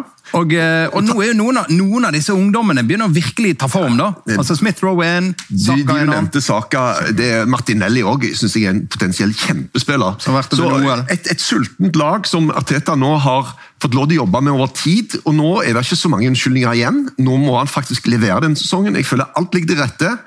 Eh, han har jobba med holdninger, det tror jeg er på plass. Kvitta seg med en del spillere han ikke vil ha. Eh, jeg tror de kommer til å være litt mer dynamiske og litt tøffere i presspillet. for jeg tror De har sett at Vi kan ikke gå halsløst der framme, for da blir vi spilt ut. så De har ligget litt dypere. De har vært litt trege i angrepsoppbyggingen, tatt tid å komme seg til sjanser. Jeg tror alt disse tingene her kommer til å gå litt bedre. Og så skal de ikke ha Europa. De, altså de havna fire poeng bak Westham forrige sesong. Westham skal spille Europaliga. Arsenal skal ikke- ikke spille Europa. Det, Det kan, være, det kan rett og slett være en Altså, fordel. Det tror jeg er nok altså, til at eh, det, vi kommer til å se et skifte allerede der. Så I actually used to wear number 10 and I changed to number 9 and the reason was it was less weight, weight on your back. You, Ja, ja. you got two numbers. med å bruke nummer 10. No, less weight. It wasn't so heavy, the shirt. Rent fysisk. Aspen, har du Jeg vet ikke, Har du hatt nummer 10 noen gang? Nei, nei, nei, nei. Jeg har ikke vært i nærheten av å, å være så god eller ha de kvalitetene til å tilsi at jeg kan ha nummer ti på ryggen. Så, så det, jeg har alltid hatt to siffer, men det har stort sett vært én og fem. Ja, ja, men det er 1-5. Det er akkurat der Arsenal ligger på tavlen nå, uten at det betyr noe som helst. Men vi skal nå plassere Arsenal. Vi kan begynne med deg, Espen. Eh, Arsenal eh, over eller under Norwich er det første spørsmålet. Ja, det er over. Er dere enige her i studio? ja. Yes. Over eller under Everton, Espen? Over. Studio? ja. Ok, veldig samkjørte nå. Over eller under Westham? Westham som ble nummer seks forrige sesong. Arsenal ble nummer åtte forrige sesong. Fem poeng bak Fire poeng bak eh, Westham. Espen? Uh, over for meg. Erik Trev? ja. Over. Trev? I'll abstain. I won't. I'll take the fifth amendment. I'm Oh, ja, not going to say because uh, you know it's, I'm outvoted anyway. Two Ja, ja, one or three nil. ikke- So I'm not, I'm not going to say it. Du sier ikke det, nei. Du, Nei. Det blir, forblir en hemmelighet. Du Men- må jo men- si det. Hvis du er med på dette programmet, så Ja, må du nei, si hva ja. du mener. Morley method. Um, two votes. Could be two one. Could be three nil. Ja, men Greit, du skal få den. Du trenger ikke si noe, men, men uh, over eller under Manchester City, da, Espen? Ja, det er under, ja. Og der er Erik enig, og der er Trevor. Da har du meldt deg på igjen. Ja, Så du er enig der. Da legger vi de inn der. Det er jo litt sånn Det kan jo alle si. Det er jo sånn som vi har sagt i alle år. Dette er jo veldig sånn typisk eh, Arsenal. Skal, Arsenal er jo Arsenal, så de skal selvfølgelig over Westham og Everton. Men er det sånn lenger? Ja, det bør i altså- hvert fall være sånn. Det bør være sånn i forhold til, De har jo tross alt ganske mange gode spillere. De har etablerte folk som i utgangspunktet skal være verdensstjerner. De har eh, unge gutter som kommer opp som er sjokkerende gode. altså. Så jeg synes det er ting på gang her, men Arteta må faktisk levere nå. Nå er det, nytter det ikke lenger. Nå må han vise hva, de, hva som bor i den gjengen. Nå Trevor, må du levere noe, og det er en ny lapp fra Boll. Det er din tur, sant? To, fire, fem. Ja, det er din tur. Ok. Det sjette laget vi skal plassere, er Southampton.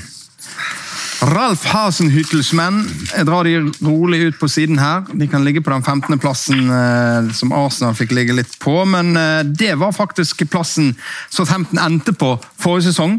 En eh, 15. plass med 43 poeng, og eh, det var god margin til nedrykkslagene, så det var aldri fare på ferde sånn sett. Så svakt gjorde det eh, Fulham, West Bromwich og Sheffield United at eh, det var ikke snakk om det. Men kanskje kan det bli snakk om det denne sesongen. Hva forventer du deg av denne Westham-utgaven, eh, denne Southampton-utgaven her, eh, Trevor? Uh, difficult. I think mid-table. I think um, I like the manager Ralphie. Um, Ings that- Ings going. It's a big blow because he wants to. Westergaard linket til eh, Leicester. Yeah. So um, he's brought the Armstrong in, scored a lot of goals in the championship. Um, Ryan Bertrand gone as well, was an excellent player, left them as well. So um, it doesn't look any stronger. Can put, in fact, it looks slightly weaker than last season. Whether they can sign somebody else to get them in. Um, they sort of had a, had a weird season last season because they looked really good at some times and the, the com- complete collapse. Um, Men jeg tenker vi skal følge opp. Du sier de ser svakere ut, de ser svekket ut. Å miste Danny Ings, eh, Espen, som skåret så mange mål for eh, Southampton forrige sesong, når de ender opp med likevel bare å plukke 43 poeng, da, da lukter det nesten litt fare på ferde, ikke?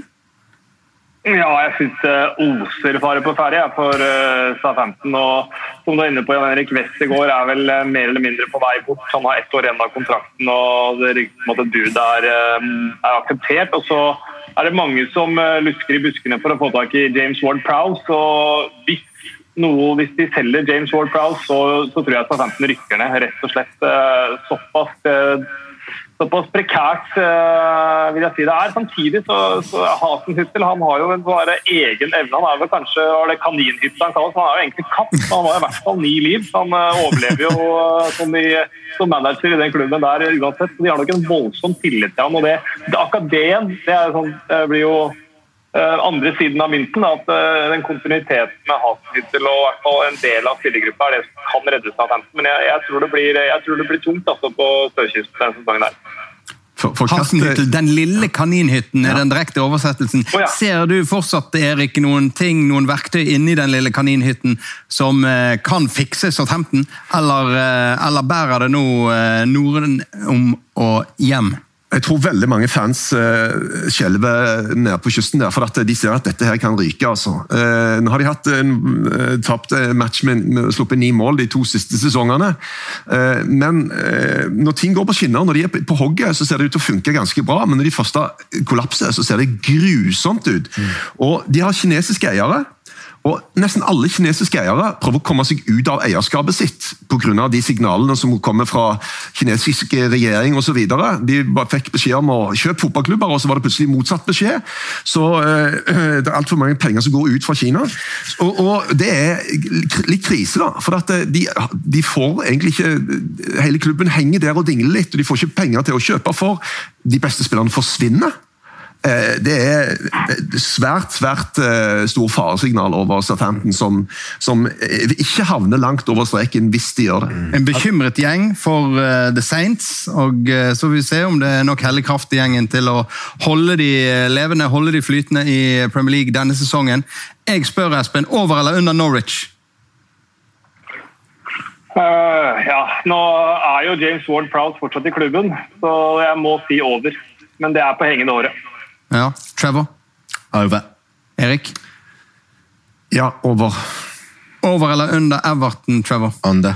Erik? Under. Espen? Under. Da legger vi de der, da. Skal vi se.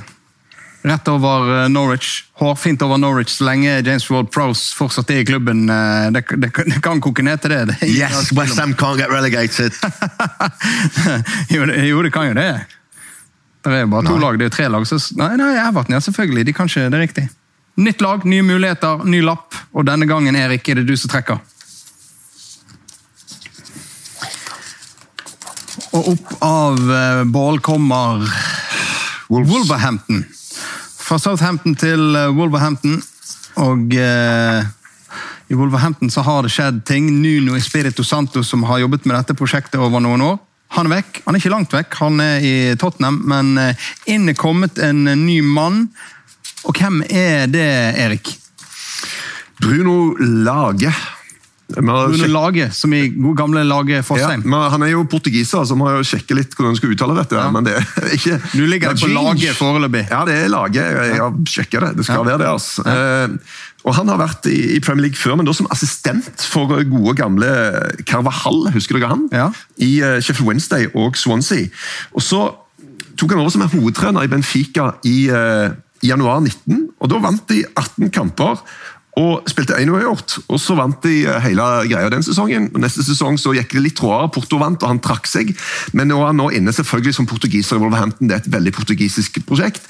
Veldig spent på hva retning dette her kommer til å ta etter Nuno Espirito Santo, som har bygd opp den klubben til en solid Premier League-klubb. Og etter forrige sesong hvor eh, vi hadde for høye forventninger til eh, Wolverhampton. Vi hadde de på en mm. syvendeplass på vårt tips. De endte på en eh, trettendeplass, og da hadde de kun 45 poeng. Med 45 poeng så overlever du greit i Premier League, mm. men det er ikke så mange færre poeng du skal ha før du plutselig kan være involvert i en nedrykksstrid. Trev. Yeah, I mean, obviously the loss of Jimenez was a massive blow for them because he was just a, such a great striker. You see him there, what a focal point, goal scorer, an all-round striker, and Jota going as well. So, yeah, they lost away a bit. I mean, I think it's a brave decision to get rid of Nuno just after that one season that was not that bad but disappointing.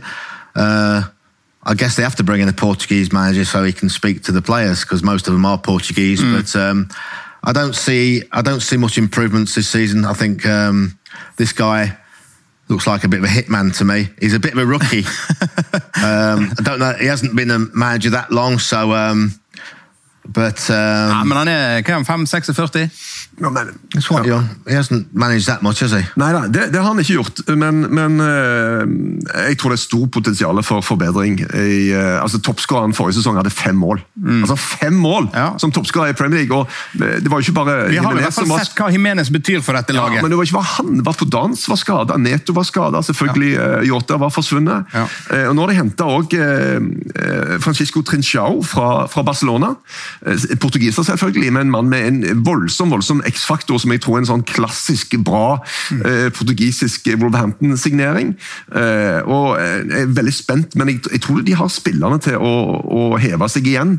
Gjerne ikke på de 20. plassene de hadde de to sesongene før forrige, men, men eh, klart bedre kommende sesong. Det, det har jeg tro på for Wolverhampton. Også. Nå skuffet jo gone, right? The goalkeeper, kommet, ja. Portuguese, and they've signed a Jo, José Sa, som er en annen portugisisk eh, keeper, han er veldig god. Så jeg tror ikke det er noe eh, svekkelse. Eh, Patricio eh, har en litt rar eh, stil.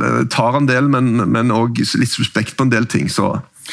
Portugal skuffet jo i EM da de skulle forsvare tittelen sin, men Espen, det er jo, det er jo nesten oppsiktsvekkende å se hvor mange gode fotballspillere det, det, det produseres i, i Portugal. Så jeg, jeg tenker at når det er et helt lag bestående av nesten bare portugisere, så, så skal ikke man kimse av det.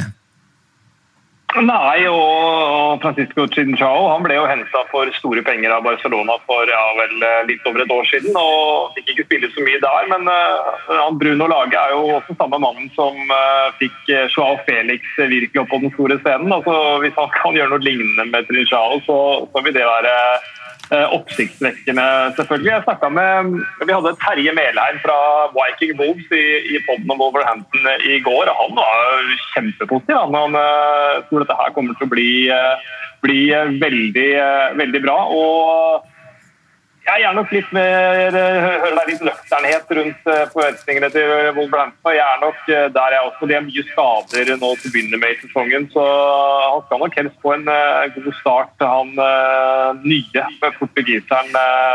Men noen, noen ny syvendeplass det er jeg helt sikker på at det ikke blir i hvert fall for Wolverhampton.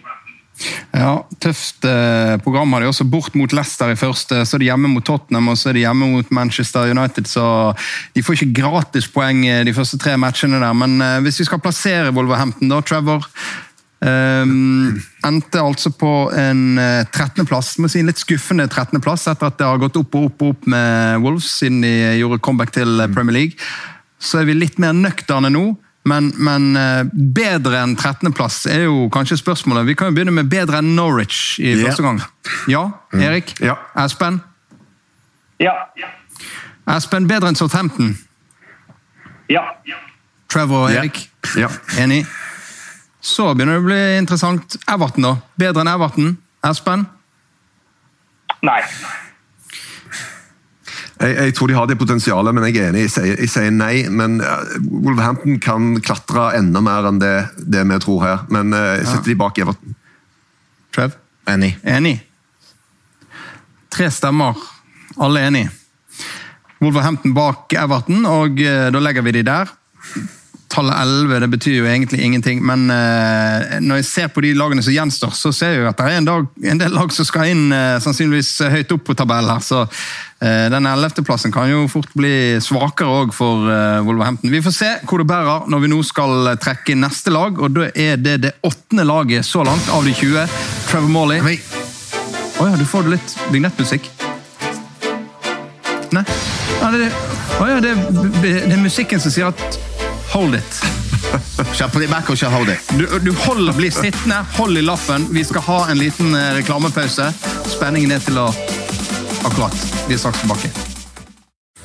Velkommen tilbake til vårt Premier League-tabelltips. Jeg har sortert tavlen litt her nå, så nå har jeg bare dyttet alle lagene helt opp i toppen fra City og ned til Norwich. Akkurat nå så ligger Norwich på en eh, ganske solid syvendeplass. Vi får se hvordan det går når Morley er klar med lapp nummer åtte. Du trakk han før reklamepausen. Du må snu han. Andre veien. Du må snu mot Sånn, ja. Watford. Thank you. Watford it is. Og uh, nyopprykkede Watford de er da tilbake i Premier League. Her har de vært ved flere anledninger, og uh, oppskriften har jo ofte vært uh, Eiere som skifter trenere hyppig, en enorm sirkulasjon av spillere. og eh, Likevel har de klart å få ganske brukbare resultater før de rykket ned. Nå er de tilbake. Hva er nytt i Watford? I hvert fall uh, ny manager, Kisko Munoz, uh, som har en rar trenerkarriere. Han har altså vært trener for tre uavgjorte resultater i hele hans karriere. Det betyr at han har hatt en veldig kort managerkarriere. Han, er spiller som spilte i, uh, i Spania, men spilte også i Dinamo Tbilisi i Georgia. Han kom tilbake dit og, og trente det laget i elleve matcher når de tok vant ligaen for ett år siden. Og så tok han jobben i Watford. Eh, rett fra det, med det som grunnlag. Hvordan i alle dager skjer det? Er, dette, er, det, er, det, er det, fortsatt den samme gjengen som, som eier og driver Watford? Potsi-gjengen, ja. ja. Som, som uh, eide både Granada og Udinese tidligere. Nå har de vel solgt Granada for en stund siden. Men, men de, de, har jo en litt rar rekrutteringspolitikk. De skal liksom finne de der edelsteinene, både på kanskje spillersida, men òg på trenersida. Fant han fyren her etter at uh, Ivic som var manager, da lå jeg på femteplass i uh, championship. Han fikk fyken.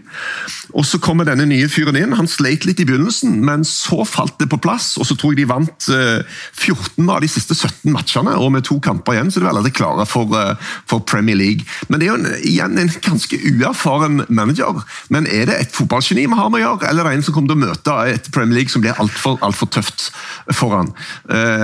så Watford er jo et lag som var oppe i fem sesonger før de rykte ned. så Det er jo en gjeng med veldig mye Premier League-erfaring som, mm. som, er der. da. Eh, og I tillegg så har de fått eh, Joshua King, det er jo gledelig òg for oss. Ja. Og så har Sinkernagel, da, som jo kom fra Bodø-Glimt eh, og gjorde det faktisk ganske bra. Han har blitt sendt på lån til, til Nottingham Forest. Så han har ikke gjort det så bra? Ja, En del var overrasket over at de sendte han av gårde, for de mente han hadde gjort nok til at han også burde kunne få vise seg i, i Premier League. Denne gjengen, uh, Watford-gjengen, og jeg så Troy Deany fortsatt holder koken av, av bildene her. Uh, det er jo imponerende i seg sjøl. Hva forventer du deg av eh, det, Espen?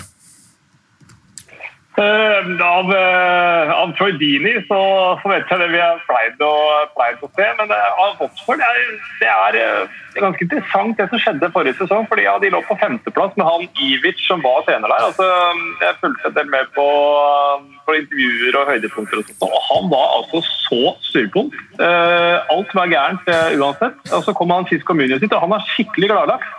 Bare blid og glad stort sett hele tiden. Og så la det vel om til 4-3-3 også. Det passa jo selvfølgelig Sinkernagel når han uh, spilte der. så uh, jeg er veldig spent på hvordan de skal komponere den angrepsrekka si. For de har mange potensielle nummer ni der.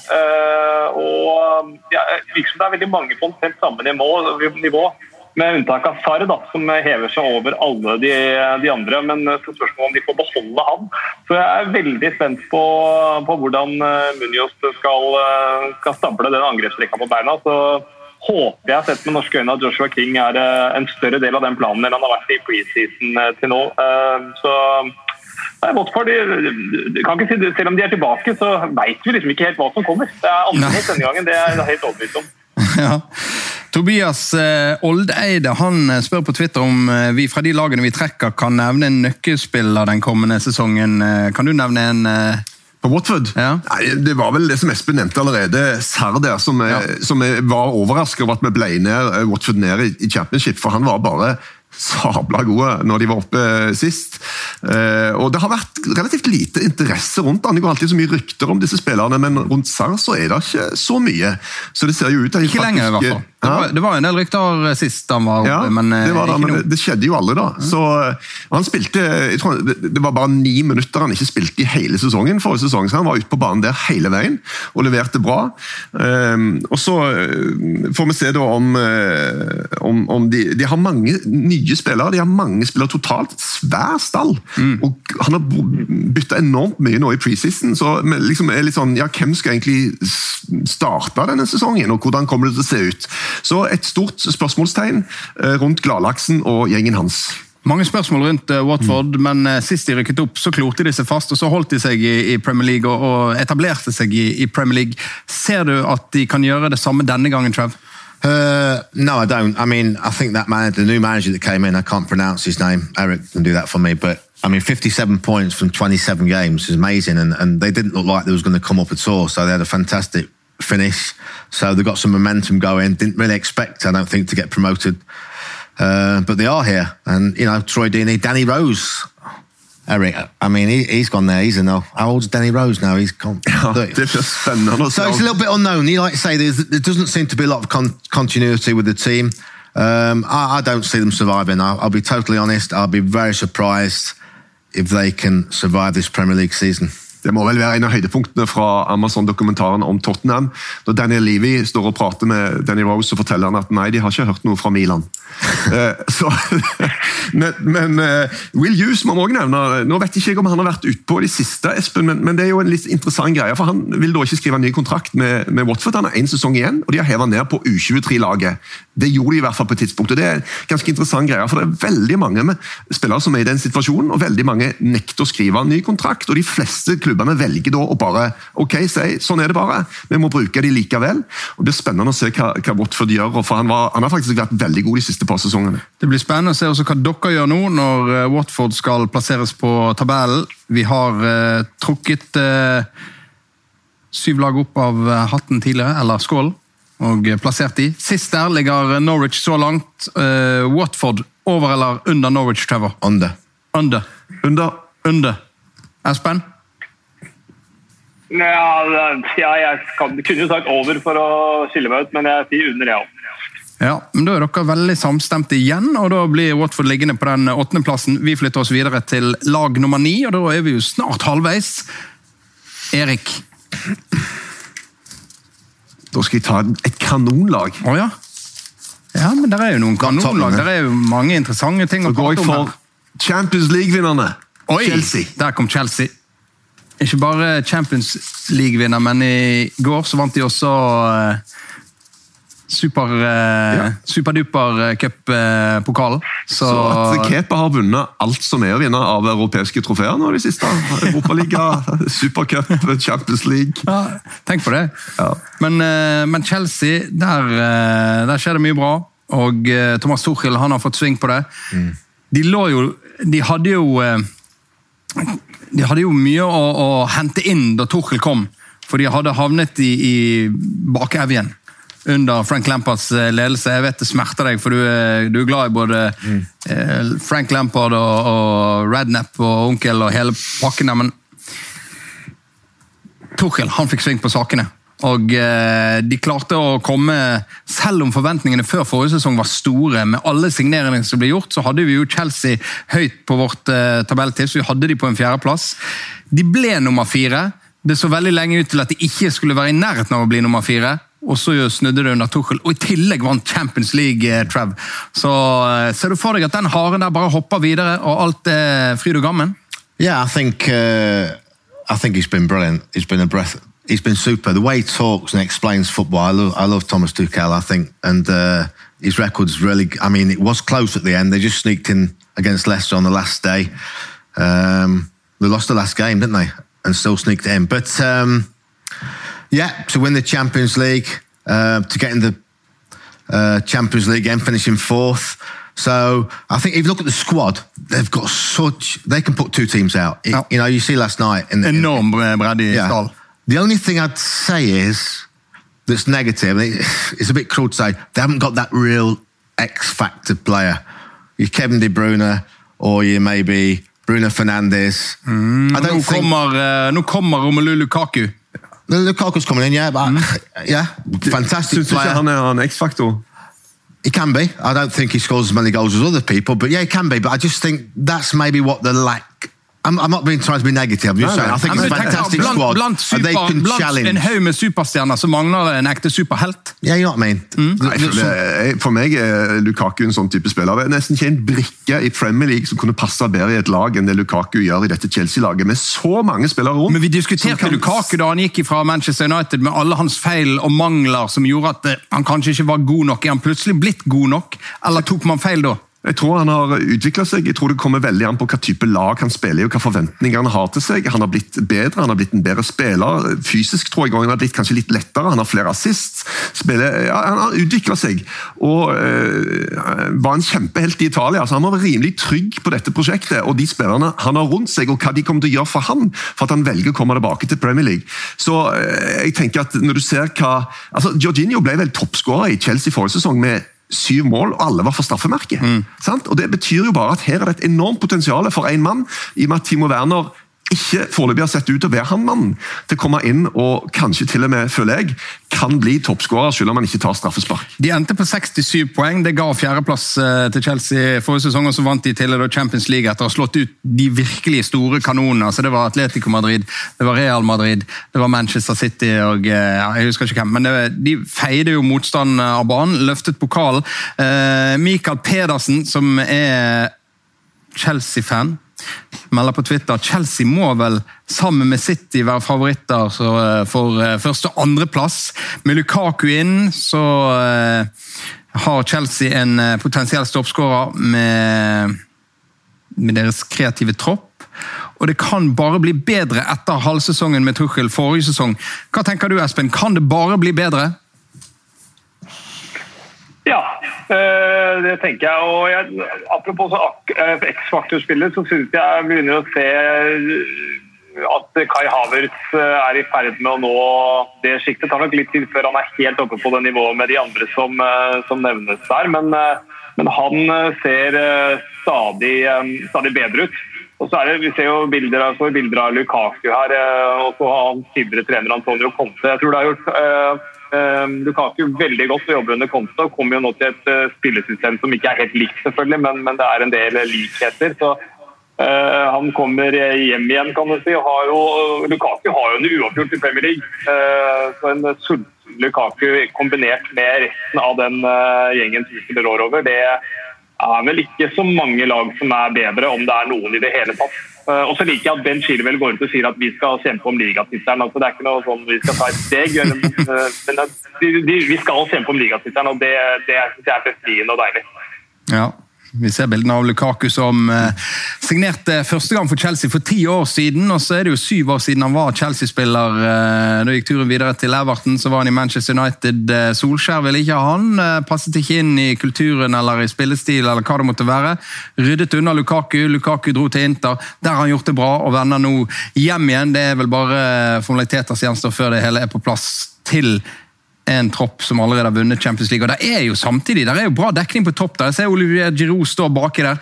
For Hva er det som mangler i Chelsea? Jo, det er kanskje en som kan klinke inn de der eh, 20 pluss-målene i en eh, sesong, men de har jo samtidig eh, ja, hva skjer med Tammy Abraham? Mm. Han hadde jo strålende start under Frank Lampard og, og bøttet inn mål. Og så har du Timo Werner og så eh, ja, Giroud og, Giroud har dratt. Giroud har dratt, ja. Det har han gjort. Ja. Men, så, eh, men, den store taperen på denne årgangen her er jo Tammy Abraham, som jeg ja, trodde skulle bli liksom? eh, landslagsspiss for England. men ja. Eh, nei, Dette er veldig veldig spennende. da. Samtidig har de hatt noen kamper der jeg føler på en måte, litt i, faktisk i den supercupfinalen òg Av og til går det litt tregt med Chelsea. De, de har mangla rytme i angrepsspillet. Det er jo der problemet har vært. først og mm. fremst. Løses alt ved Lukaku, eller er det òg andre ting som må bli bedre? Det føler Hva sier spissen målet om spissen Lukaku? Uh, I didn't mean to be negative. I think this, I mean, he's 28. This is the perfect age for a striker. I remember watching him at Everton, and he had so many limitations. When they played with his back to goal, he wasn't good enough. He's a beast, but he didn't hold the ball up well enough, didn't win enough headers. But I think his all round game is improved now, especially as he's gone to Italy. Conte wanted him so much. He holds the ball up a lot better. You get him on the right side, drifting on the, on the left. He's unstoppable. I think he's one of the best finishers. He always keeps a cool head when he's in the box. So I think he's improved a lot. Um, I, I don't need the top strikers in the Premier League the top clubs now need to score goals. We've seen that with Timo Werner. You need to get 25 goals. I think he can do that without a doubt. His goal scoring record is good, but it's not right up there with your Agueros and your top players. Uh, but I think this is his time in this Chelsea. I Han think må bevise om han har det der super, uh, Supermann-genet. Det er det jeg tenker. Vi, vi, han, gjorde det, han gjorde det bra med West Bromwich, veldig bra i Everton. Decent i Manchester United, så har han gjort det strålende hos Inter. Men det er Italia, det er en annen liga. Nå er det tilbake igjen til Premier League. Det er nå han skal bevise at han kan gjøre det her òg. 25 goller. Hvis han gjør det, da er det mange som må bare strekke hendene i været og si Trust me, there's no kan ikke ha det. defender would like to play. That's one of your worst nightmares when he comes out the tunnel. You see the size of him, the pace of him, the strength of him. And uh, yeah, like I say, I think he's improved a lot. So I think it's a great move. Great to see him back in the Premier League. Massive boost for Chelsea. I, I think Abraham's a top player. Whether they'll sell him or keep him, but like Tuchel says, you never know. Abraham might score a few goals. You don't know. He keeps it open. Ja, Du kan ikke bli skada du- i kamp 1, han, så vi vet jo alle disse tingene her. Nei, Men nei, I utgangspunktet er det Det må være herlig å være manager for en klubb som bare splash the cash når de må. Og det gjør Chelsea. Ja. De er nådeløse med managere når det ikke går som det skal. Da er det bare rett ut og inn med nestemann. Men de bruker penger, altså. Og og Lukaku, som, Ja, og som vinner- manageren vil ha, så henter Lukaku. Hvis kan det skade Han, Eric. Hvis det er noe Chelsea gjør, så er det å vinne pokaler. Og det har de Mm, fortsatt å gjøre, uansett hvem som har vært manager. så har de bare fortsatt å vinne trofeer. Store trofeer, ligatrofeer, Champions League-trofeer, Europa League-trofeer, cuptrofeer Mm. i, i England. Chelsea vinner ting hele veien. Ja. Og eh, Da er jo spørsmålet om de kan vinne Premier League denne sesongen, Espen, når vi nå skal plassere Chelsea på tabellen. Fjerdeplass forrige sesong. Det er et stykke opp til Manchester City, da. 19 poeng eh, for å være ganske nøyaktig. Nærmer de seg? Eh, ja, de eh, nærmer seg, men eh, de havner nok eh, bak Manchester City. Jeg tror de havner foran Chelsea på tabellen. Havner de foran Arsenal? Ja. Ok, Så du har de her oppe, da. Uh, der. Erik Thorstvedt, Det er jeg helt enig i. Trevor Morley. Correct. Så vi dytter Chelsea inn der.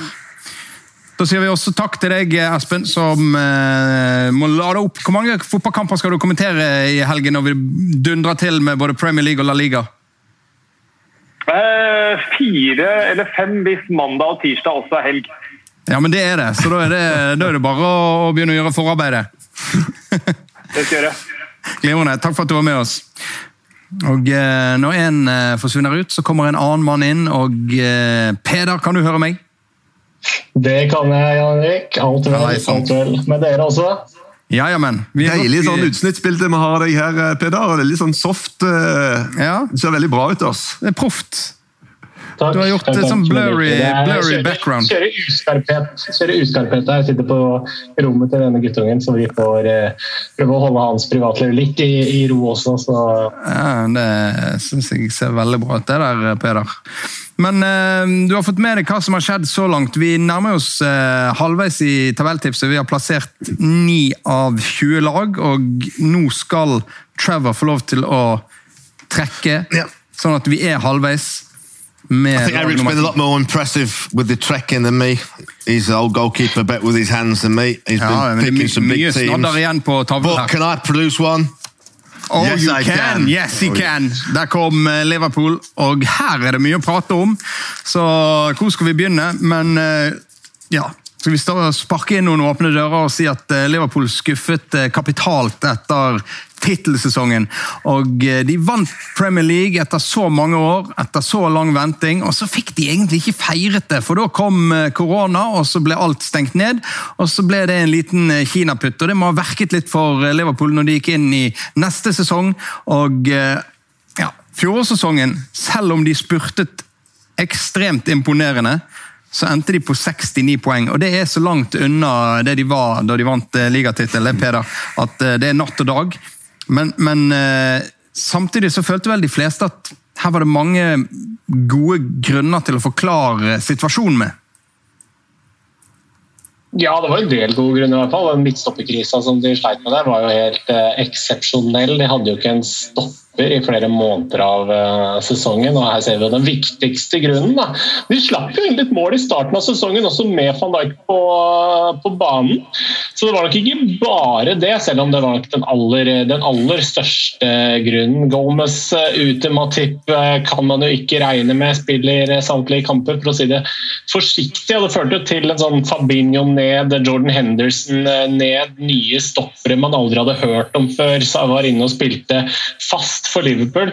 Så um, de hadde, de hadde noen store store utfordringer. og det er klart at Får de løst opp i det, kjøre Fabinho i den rollen der han er eh, best, og kanskje best i verden omtrent, så er eh, Liverpool plutselig et helt annet fotballag. Han har jo Van Dijk tilbake igjen eh, og med fra sesongstart. Det betyr mye, men jeg tror det blir et savn av, av Beinaldum, som vel er det viktigste som har skjedd for Liverpool sin del på, i den overgangssommeren her. At, at han er borte, det det er en, eh, en, mann som blir vanskelig å erstatte for eh, de andre. Selv om jeg ser Jürgen Klopp snakke veldig varmt om de spillerne som er i stallen, og det har han jo god grunn til. Altså, det kan godt være at Liverpool eh, allerede er tilbake på det nivået det var for to sesonger siden. De vant Champions League eh, Liverpool under Jørgen Klopp. Da kom det første trofeet. Så ble det ikke gjort all verdens av forsterkninger den sommeren inn til neste sesong. og Mange snakket om at det er et uforløst potensial her fortsatt. Det hadde Jørgen Klopp rett i, for sesongen etterpå så dundret de til og leverte de der eh, nesten 100 poengene i Premier League og vant det etterlengtede Premier League-tittelen. Det har ikke vært gjort all verdens på overgangsmarkedet inn til denne sesongen heller, og eh, som vi hører litt det kommer en del tilbake. Du har noe å bygge videre på. Er det nok til å være med i tittelkampen? Ja, det tror jeg. Eh, men eh, jeg tenker altså Hvor mye mental skade har skjedd fra forrige sesong. da. Nå avslutter de veldig sterkt, det skal de ha. så De fikk jo det der toget som hadde totalt spora av, fikk jo Klopp tilbake på skinnene og greide mirakuløst nok å greie den Champions League-plassen. Det så ikke ut som de skulle være i nærheten av. Så det var jo styrke. Men denne sulten, denne, når pila kun pekte oppover, den har jo fått en bråstans. Og hva har skjedd i forbindelse med det? Så har vi sett at De har jo henta Konaté fra, fra Eh, Leipzig, eh, som og har jeg sjekka, han er 22 år, men har en skadehistorikk som allerede er litt sånn litt tvilsom. Så det er jo litt Men, men de, de, går jo for å forsterke, eh, forsterke seg på midtstopperplass, der de har jo som De kan ikke få så mange skader der som de fikk forrige sesong. i hvert fall. Nei, det går jo nesten ikke an. I think that, that's the main problem with Liverpool. I mean, if you look at Chelsea, look at the squad, and, and Manchester City, you can almost put two teams out. I don't think Liverpool can. I think the first team is up there. Challenge for everything. But mm. if you get two or three injuries, you know, Squad-wise, it's not as strong as Chelsea. Men Curtis Jones er jo en, synes jeg, en klassespiller allerede. Han har vel fått seg en smekk òg, skjønner jeg? Ja. Fikk seg en liten en, uh, yeah, he's, out injured, yeah. I men, met, I ja. met him in Marbella. Men uh, Du møtte oh, ja. han? Ok. Oh, ja. Han var ikke skadet da? Jeg har møtt masse fotballspillere. Fortell, du møtte han på Marbella. Pratet du med han? Yeah, no, but my, uh, my daughter did. Hun snakket med alle.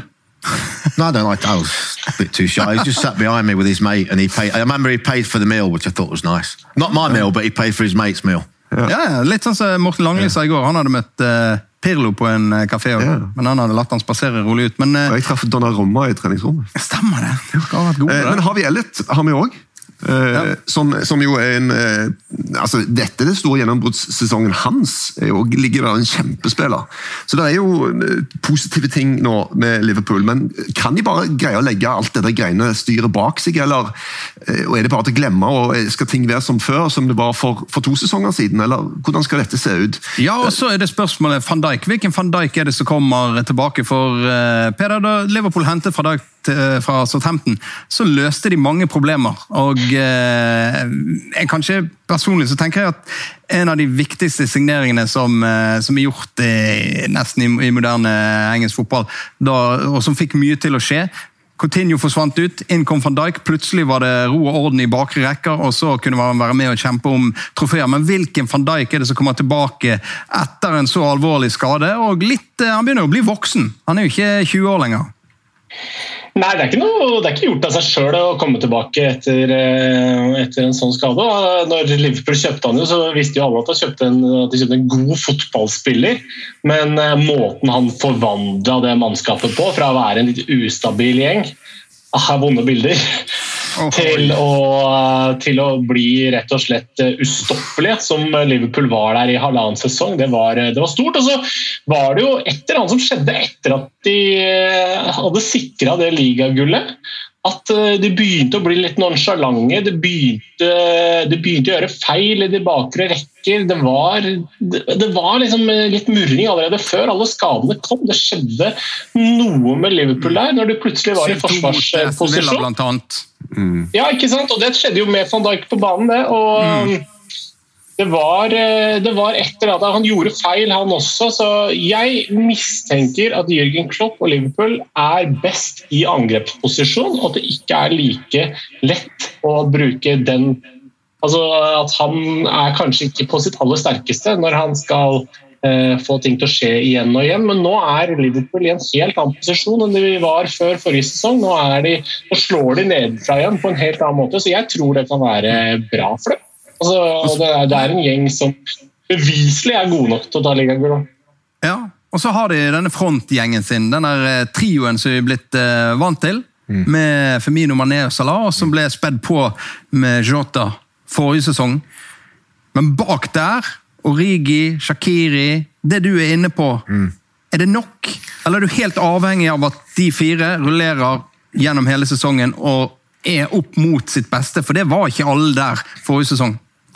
No, I, I, again, I'll say the same thing. I just think the squad is not in depth as good as some of the other clubs, especially City and Chelsea, maybe even Manchester United. But uh, when they put the first team out, and I think with Van Dijk, I think you know, I don't think think, think it's going to be a problem. He'll be back to his best, and you know, he makes such a difference. There's not many players in the world when you take a Messi maybe out, you take certain players out. That guy is so important to Liverpool immensely important and hopefully will be 100% fit. I mean, the way they do these operations now is is incredible. So uh, to see him back in Liverpool will make a huge, huge difference. And uh, yeah, I just hope they don't get as many injuries as last year. Harvey Barnes, like. Uh, Harvey Elliott, sorry, what you were saying was um, supposed to be an incredible pre-season. I read some reports about him, so maybe he can break in this season as well. So, uh, Men du ser for deg at, uh, at Salah, at Mané, at Firmino fortsatt har det. At de kan holde det stabilt. Yeah, I still think høye, høye nivået. They've got such class up there, and I love the competitiveness. You know, almost like they they want to outscore each other. So I like that. So um, going forward, mm. I don't see a problem with Liverpool. Uh, it was sad last year. You know, after was it 57 unbeaten at Anfield, and then mm. suddenly that crash when they were losing to the small little team. That mm. I almost wanted to cry for them. It didn't. I felt so sorry for them, Klopp and everybody. But that's behind them now. The new season. Crowds back. They'll be up there. Robertsen er ute. Bekkene til Liverpool har vært enormt viktige. Han mm. og eh, Trent Alexander Arnold, det de har skapt, ikke minst offensivt, enormt viktig. Nå Robertsen på krykker for eh, en uke siden. Ja, og det er en del sånne eh, Hva skjer før transfervinduet stenger? Hvor alvorlige en del av disse skadene er de som har vært langtidsskadet? Er de tilbake? Er de tilbake på sitt beste? Så Sånne spørsmål er, sitter vi jo med. Og så sitter vi òg med et spørsmål hvor skal vi plassere Liverpool på tabellen? Ja, og eh, Det spørsmålet kan vi jo svare på ganske kjapt. Eh, jeg vet ikke hvem som har lyst til å forsøke seg først, men um, vi kan jo begynne der de Ja, ja. Vi kan, vi kan begynne Jeg tenker vi må begynne Lenge så var det jo et spørsmål Vi kan begynne her ved siden av Westham. For lenge forrige sesong så var det jo et spørsmål om ikke det er Westham som som sørger for at Liverpool ikke blir topp fire. At de klarte, og Det så ut til at det kunne skje. Så skjedde ikke Trevor. Kan det skje denne gangen? Nå er jeg spent, Trevor. Hvis du ser well, Liverpool, West Ham of course, Liverpool over West Ham. No doubts. Peder? Ja, ja. Liv ja. Erik og nikker anerkjennende ja, ja. her i studio. Og over Arsenal. Over Arsenal vil du ha de? Definitivt. Ja. Peder òg? Helt enig. Så blir jo det interessant, for nå er de oppe her med Chelsea. Du kan få starte på den, du, Peder. Ja, jeg vil ha de over, da. Ja. Trevor? Nei, jeg vil ha de unna. Oi! En hver. Trevor. I wish not asked you now. ja. For du hadde tenkt å være frekk der, Trevor? Yeah. Ja. It's a tough one, this. Mm -hmm. Champions League-mesterne. Altså, Liverpool Chelsea. kommer jo til å bli bedre, men Chelsea blir også bedre med Tuchel hele sesongen med Lukaku på plass. Så, men det er marginalt. altså... Mm. There's something that tells me Tuchel, everything's going right for him. Everyone's loving him, like I'm loving him as well. But um, Oh. What do you think? Ja, den, er, den er vanskelig. Den er enormt vanskelig, tenker jeg også. Men uh, hvis Liverpool uh, får stabilitet defensivt med van Dijk tilbake og med Gomez tilbake, og, og det der setter seg igjen, så uh, kommer det til å ha enormt mye for hva Liverpool gjør fremover også. Og van Dijk var jo en enormt viktig spiller også offensivt i, ja, ja. i pasningsstrøingen sin og i, i duellspillet sitt når han liksom igangsatte bakfra. Så jeg tror, jeg, jeg, tror jeg sier det som jeg sa når Leopold Sanet van Dijk, at han, han kan eh, spille de til eh, ligatittel. Den signeringen der, det tror jeg kommer til å bli en enorm suksess. Så um, Men før vi plasserer Leopold, så tar vi en aldri så liten uh, pause. Så kan uh, Trevor få lov til å tenke. Nå får du tenke i reklamepausen, så plasserer vi Liverpool på tabellen. Over eller under Chelsea, over eller under Manchester City når vi er tilbake.